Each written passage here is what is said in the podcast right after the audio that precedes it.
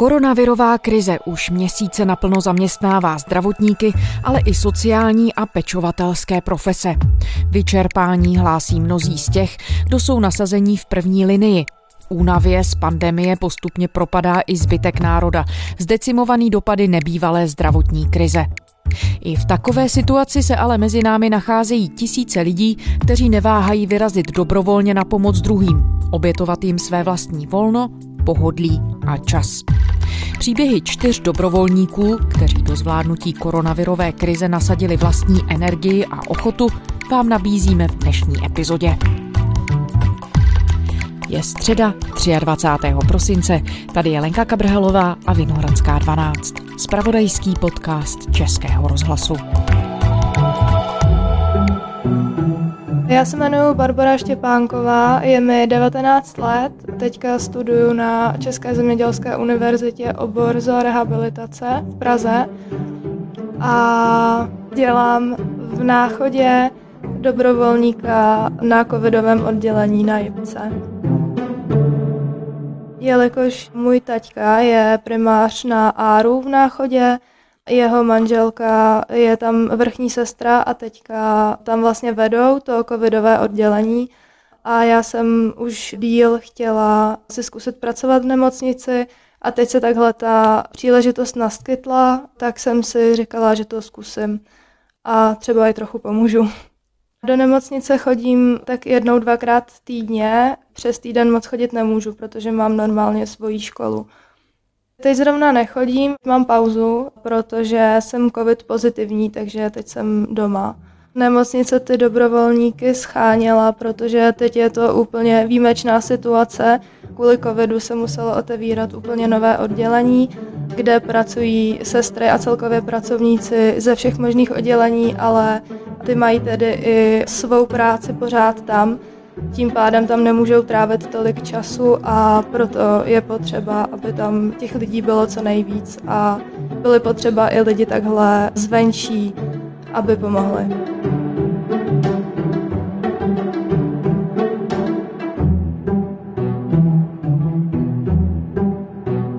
Já dělám na tom oddělení jako sanitář, to znamená, že my se o lidi staráme ve smyslu, aby měli co pít, takže jim nosíme čaje, vodu, dáváme jim napít, protože spousta z nich to samo ani vlastně nezvládne nebo potřebují podat hrníček a tak.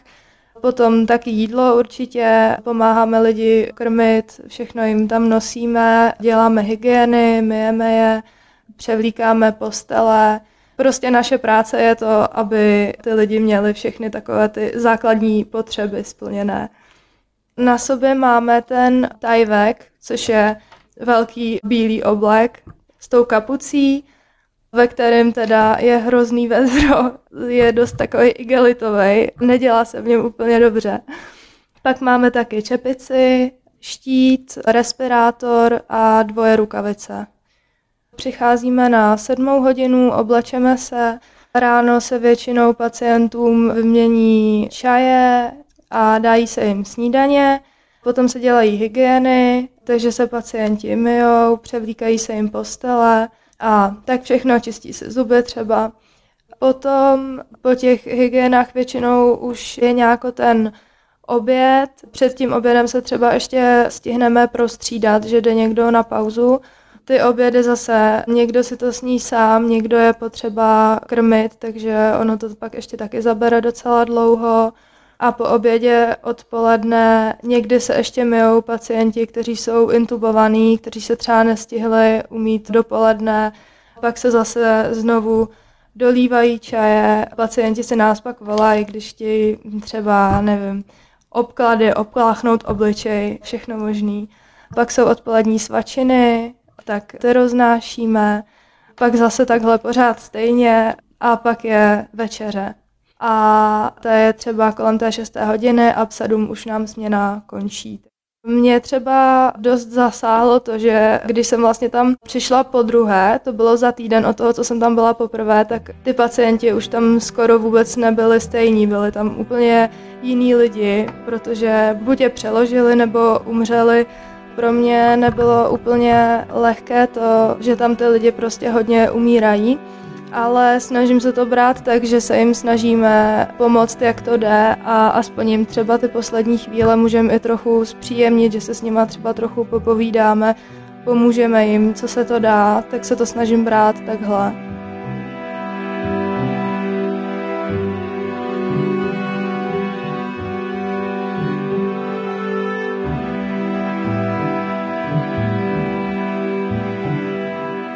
Já jsem se díky tomu dobrovolnictví určitě takhle dostala do toho zdravotnictví, zjistila jsem, jak to tam víceméně funguje, ta práce, i ten kolektiv, to jsem byla určitě hodně příjemně překvapená, protože na to, že se tam lidi hodně střídají a já tím, jak jsem like a nemám žádné vzdělání, tak se pořád na něco ptám a chápu, že to pak už může být dost otravné, ale všichni jako byli hodní, vstřícní, a určitě jsem se tam jako takhle něco přiučila za tu dobu, co tam jsem.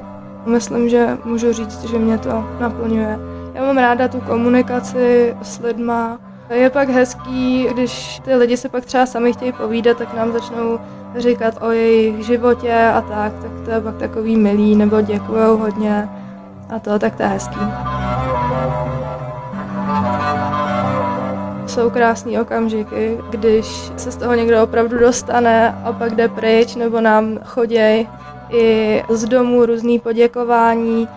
Teď třeba nám přišla krabice plná krásných nazdobených perníčků a tam úplně nádherný děkovný dopis od paní. Chodí nám fotky s rodinou od lidí a to je moc krásný.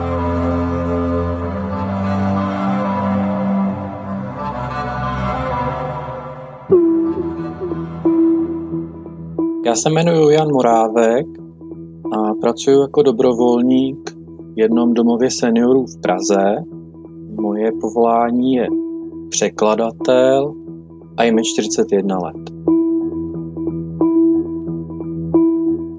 Když se začala letos zhoršovat ta druhá vlna, tak já jsem cítil velkou potřebu nějak do toho zasáhnout a velkou bezmoc a chtěl jsem udělat něco pozitivního, takže potom, když jsem viděl reklamu v metru na akci Pomáháme Praze, tak jsem se přihlásil na školení Českého červeného kříže a už jsem si vlastně začal představovat, že budu, budu potom někam pomáhat.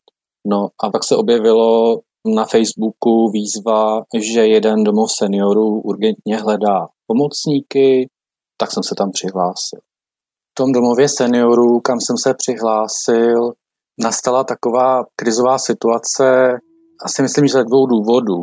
Jednak zakázali návštěvy a tím pádem se jejich klientům neměl kdo věnovat, nikdo tam nemohl docházet, zrušili všechen program, ani ti klienti navzájem mezi sebou se nemohli stýkat. A ta druhá věc je, že se dostalo do karantény několik jejich zaměstnanců a myslím, že to vyčíslili asi na jednu třetinu, takže prostě měli podstav a zároveň potřebovali pečovat o lidi víc než předtím.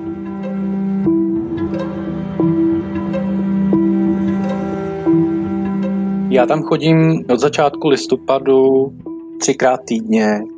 Ze začátku jsem chodil na čtyři hodiny denně a teďko jsem to zmenšil na dvě a půl, protože už mají dost lidí na tu základní aktivitu, takže jsem si to trošku snížil. Když jsem začal chodit, tak jsem přišel vždycky před sedmou ráno a účastnil jsem se ranní porady, oni tomu myslím říkají hlášení, a tam se řeklo, co se zhruba ten den bude dělat a kdo bude jak pomáhat a vidělo se, co přišlo za dobrovolníky a nějak se prostě rozhodily ty činnosti. No a já jsem vlastně dělal po každé trochu něco jiného. Někdy jsem pomáhal se snídaněmi, někdy jsem třeba uklízel, jednou jsem pečoval o květiny na patře a jednou jsem šel do covidu, to znamená do izolace, kde se klienti z toho domova, kterých byl pozitivní test, ani bych neřekl léčili, oni tam prostě jen tak čekali, až budou zase moc ven.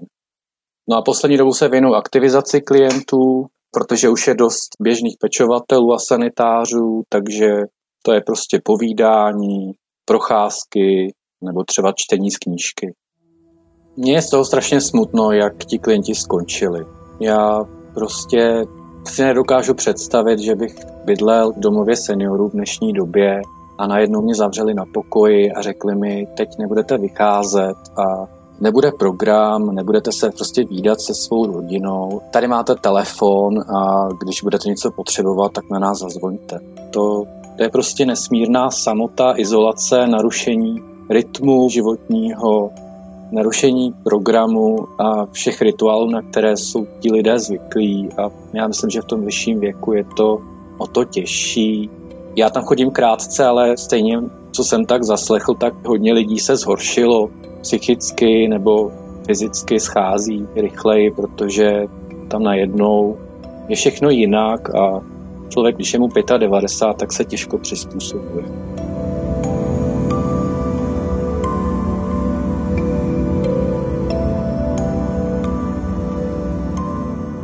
Já o tom přemýšlím asi každý den, jestli se dá říct, že navážu přátelství nebo prostě nějaký vztah s těmi klienty a myslím přitom samozřejmě na konkrétní lidi, se kterými jsem mluvil nebo se kterými jsem něco zažil.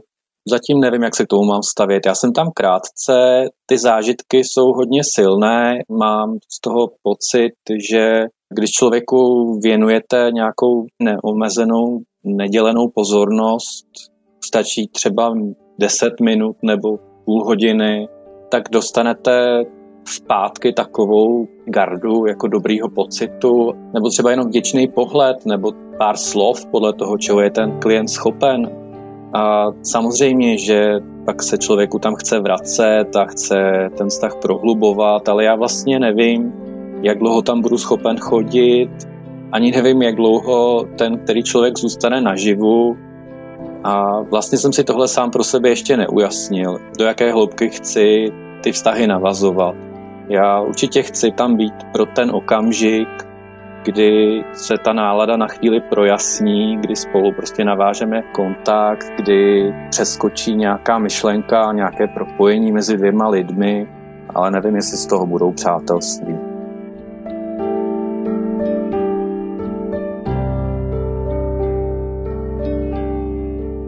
Já jsem od letošní koronakrize nikdy nečekal, že najdu zrovna tohle, že najdu nový způsob, jak si posílit vlastní sebejistotu nebo sebedůvěru, jak zjistit, v čem jsem platný a jak snadno to jsem schopen vykonávat. Já jsem nikdy nezažil práci, ve které bych se cítil tak bezprostředně propojený s lidmi.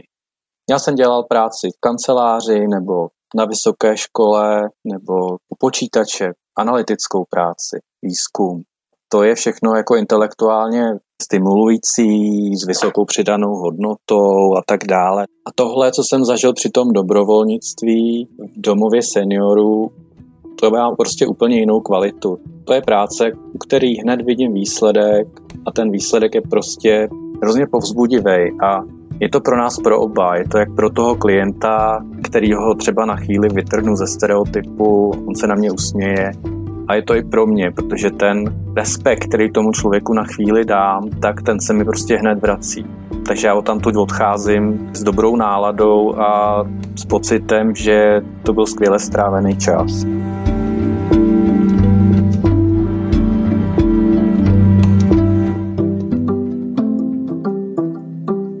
Jmenuji se Anna Kasanová, je mi 22 let a jsem medic na ulici. Jsem z Brna a v Brně i studuji. Studuji třetí ročník všeobecného lékařství na Masarykově univerzitě. Já jsem mediky na ulici sledovala už delší dobu a už vlastně od začátku té chvíle, kdy ten projekt vznikl v Brně, tak mě hodně nadchl a těšila jsem se na tu chvíli, kdy se otevře dobrovolníkům z vnější. Ta chvíle právě byla pro Brno jaro. Já osobně jsem ošetřování zažila pouze v době pandemické situace Určitě tam jsou určitá specifika, která to odlišují od nějakého běžného režimu. Pro nás to byly hlavně ochranné pomůcky. Kdy na běžnou směnu jsme každý z nás, kdo ošetřoval, nosil respirátor a pak ochranné štíty. Obojí jsme dostali v době pandemie darem, takže ochranné oděvy byla jedna věc. Potom další velký rozdíl oproti běžnému režimu, který si myslím, že pomohl rozjet to ošetřování, tu pouliční medicínu, konkrétně v Brně, byl to, že aby se předešlo komunitní nákaze a byla nějak ta situace na ulici sledována, tak bylo zřízeno několik center. A ta centra byla místa, kam jsme na jaře během té běžné směny jezdili. Plus jsme si ještě zachovali místa, kam jsme docházeli před pandemí a kde byli lidé bezdomova zvyklí, že nás mohou najít.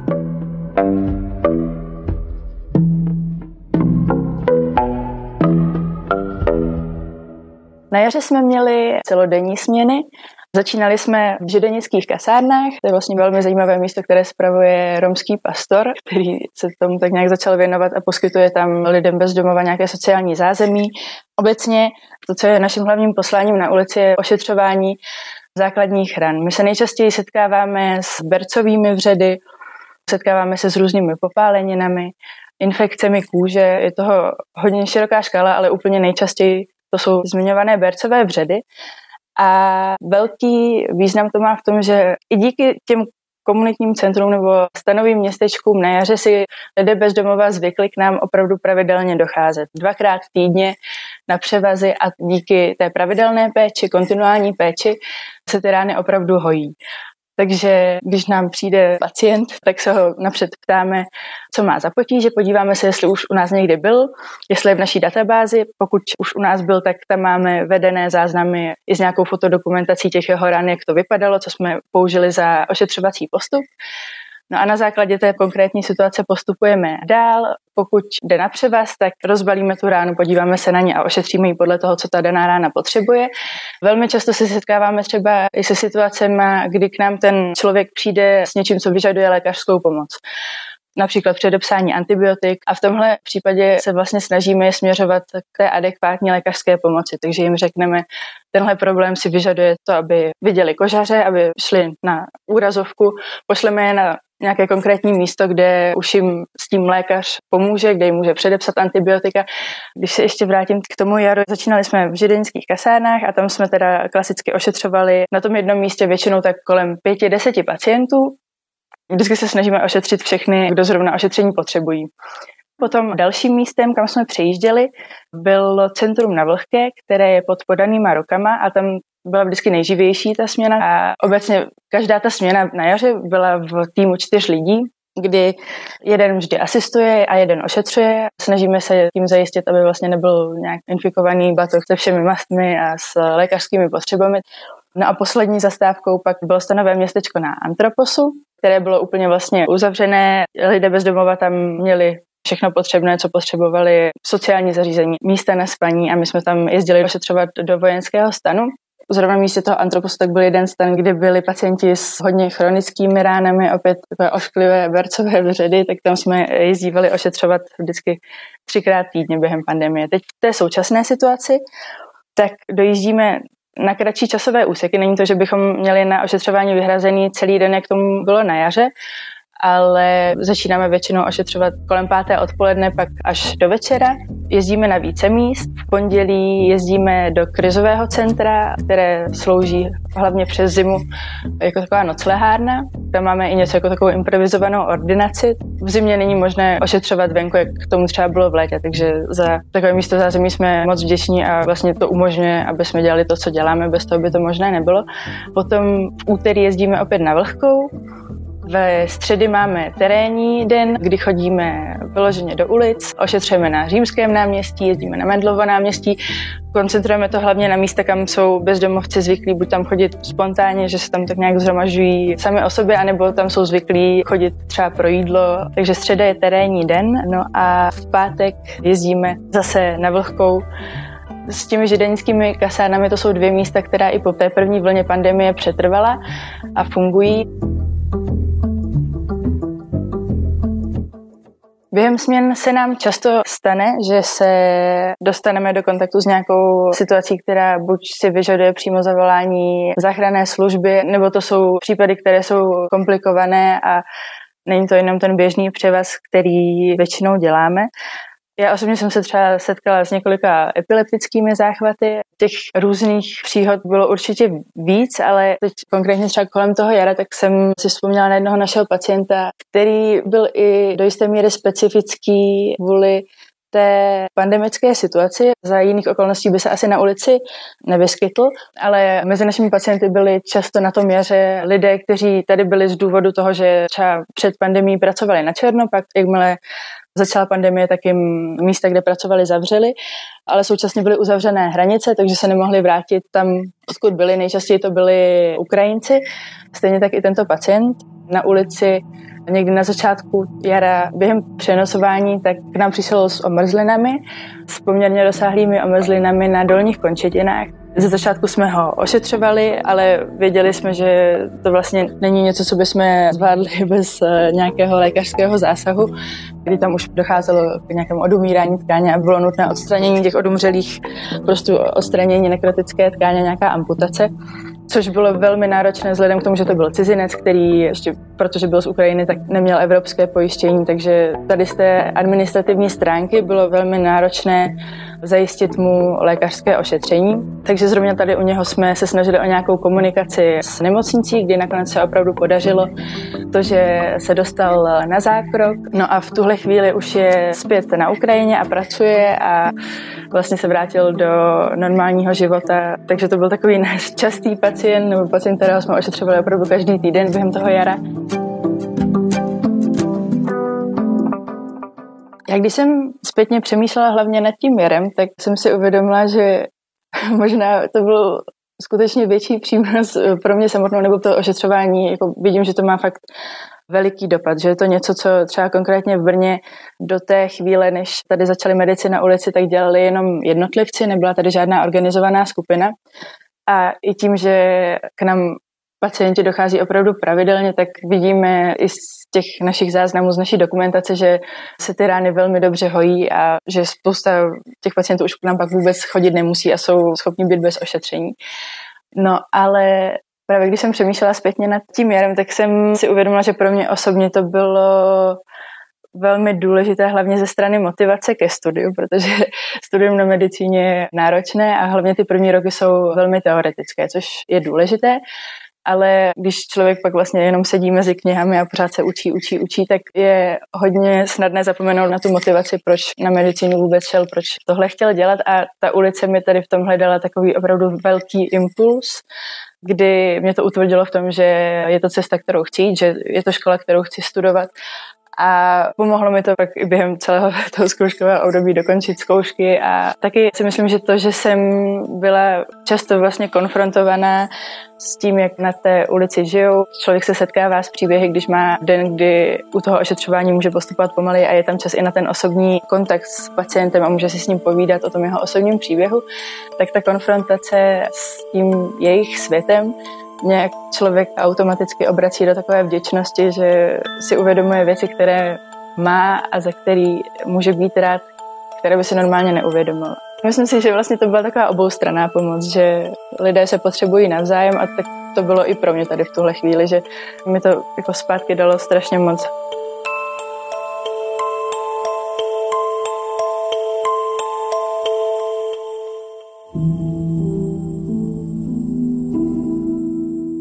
Já se jmenuji Dobroslava Sehnalová, jsem z Prahy. Je mi 51 let, jsem bývalá bankéřka, dobrovolnickou činnost dělám dlouhodobě. V době koronakrize jsem se začala zapojovat do takové opravdu té osobní pomoci, přímo v kontaktu se starými lidmi, takže jsem začala dobrovolničit přes Červený kříž a Život 90 je to doopravdy prostě takový vnitřní pocit, že jsem strašně ráda, že už nepracuju pro korporát, který vydělává peníze a že mám prostě ten čas a prostor, je mi 51, takže děti mám velké, že jo, tak že můžu opravdu pomáhat těm lidem přímo. Není to nic, co by mělo co dočinění s přemýšlením, ale opravdu takový vnitřní pocit, no. že je to potřeba. Nejdříve jsem převážně vozila jako kurýr opravdu buď to roušky, nákupy nebo takové záležitosti. Potom jsem právě začala chodit do těch hostlů, které začaly sloužit jako ubytování pro bezdomovce, no ale v tu chvíli to není slučitelný, abych zároveň chodila k bezdomovcům a zároveň k důchodcům, takže v tu chvíli jsem začala právě telefonovat si s těmi důchodci. Tam jsem absolvovala nějaké školení onlineovou formou samozřejmě a s několika důchodci jsem si telefonovala v průběhu té koronakrize a s jednou paní důchodkyní si volám doteď, telefonujeme si jednou týdně převážně, někdy i častěji, někdy si napíšeme nějaký dopis, vánoční dárek, teď jsem jí posílala a tam můžu už říct, že je to prostě takový jako dlouhodobější vztah, no.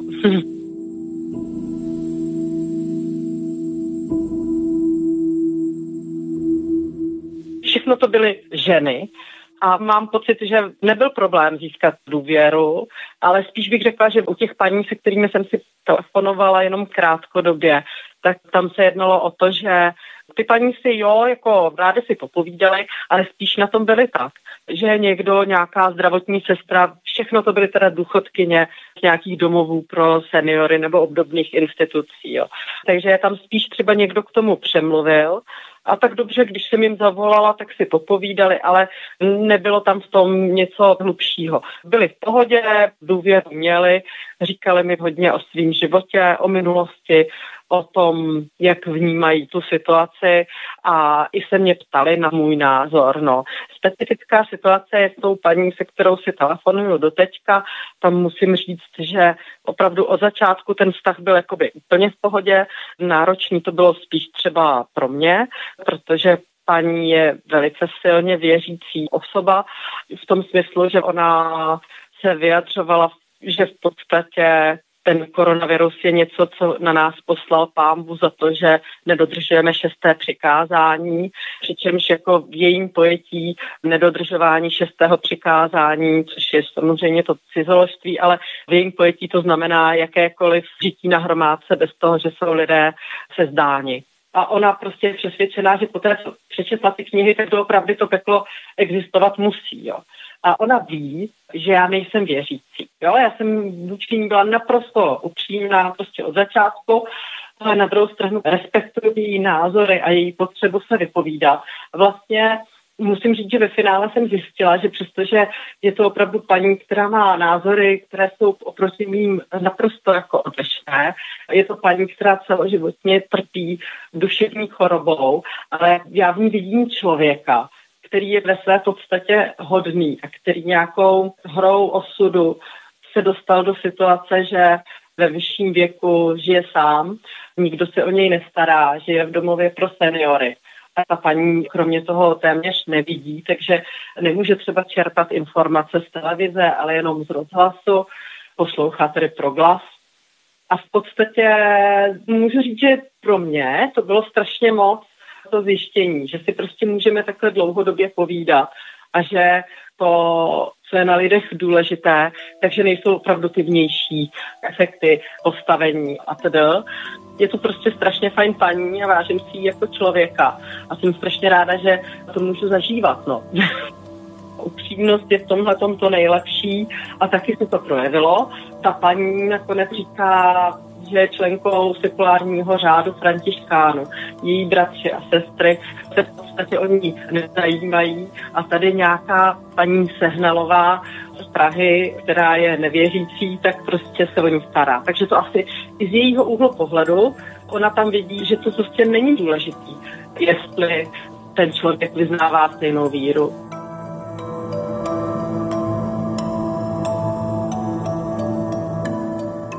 Já jsem jeden čas si telefonovala s paní, která měla ráda černý humor. Té paní bylo, myslím, prostě přes 90, jo. takže bylo obdivuhodné, jakým způsobem komunikovala a měla přehled, ráda četla třeba Fulguma, jo, neskutečná paní a ta třeba svůj přístup reflektovala tak, že říkala, si tu jednou se vyjádřila, no, nevím, proč nás tady takhle udržujou.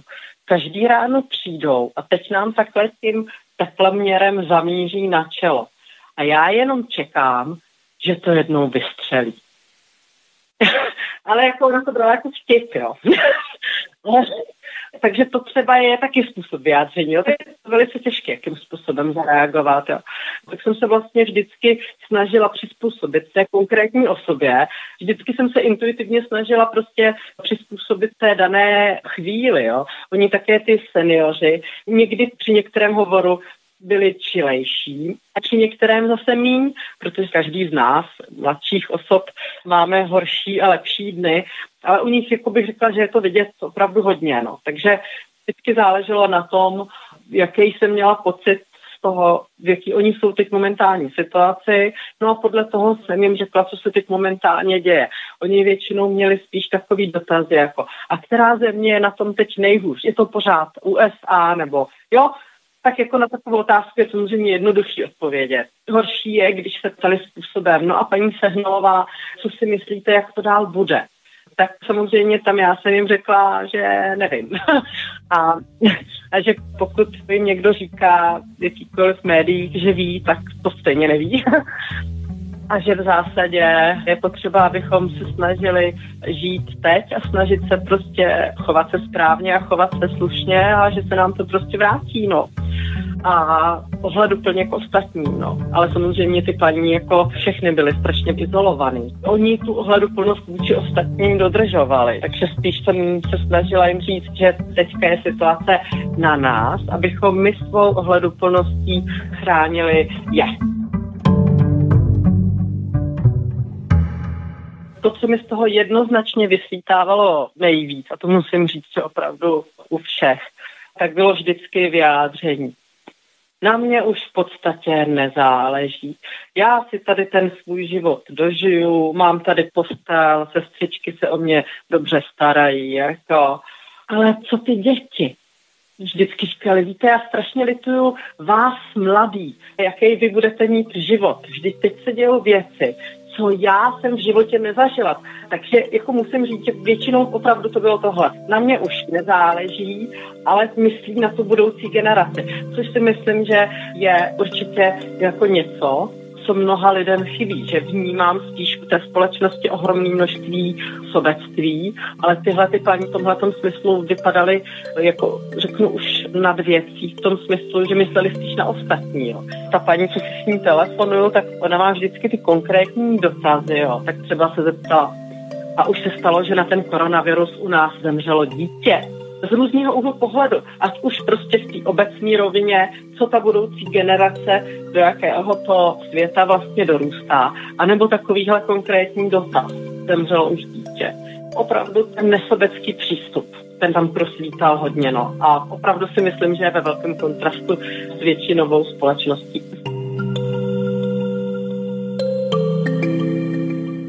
Já bych byla strašně ráda, kdyby si z toho posluchači odnesli ochotu omezit své pohodlí a vlastně umět se starat nejenom o sebe a umět si uvědomit, že jestli letos nepojedou na liže, takže to není důležitý.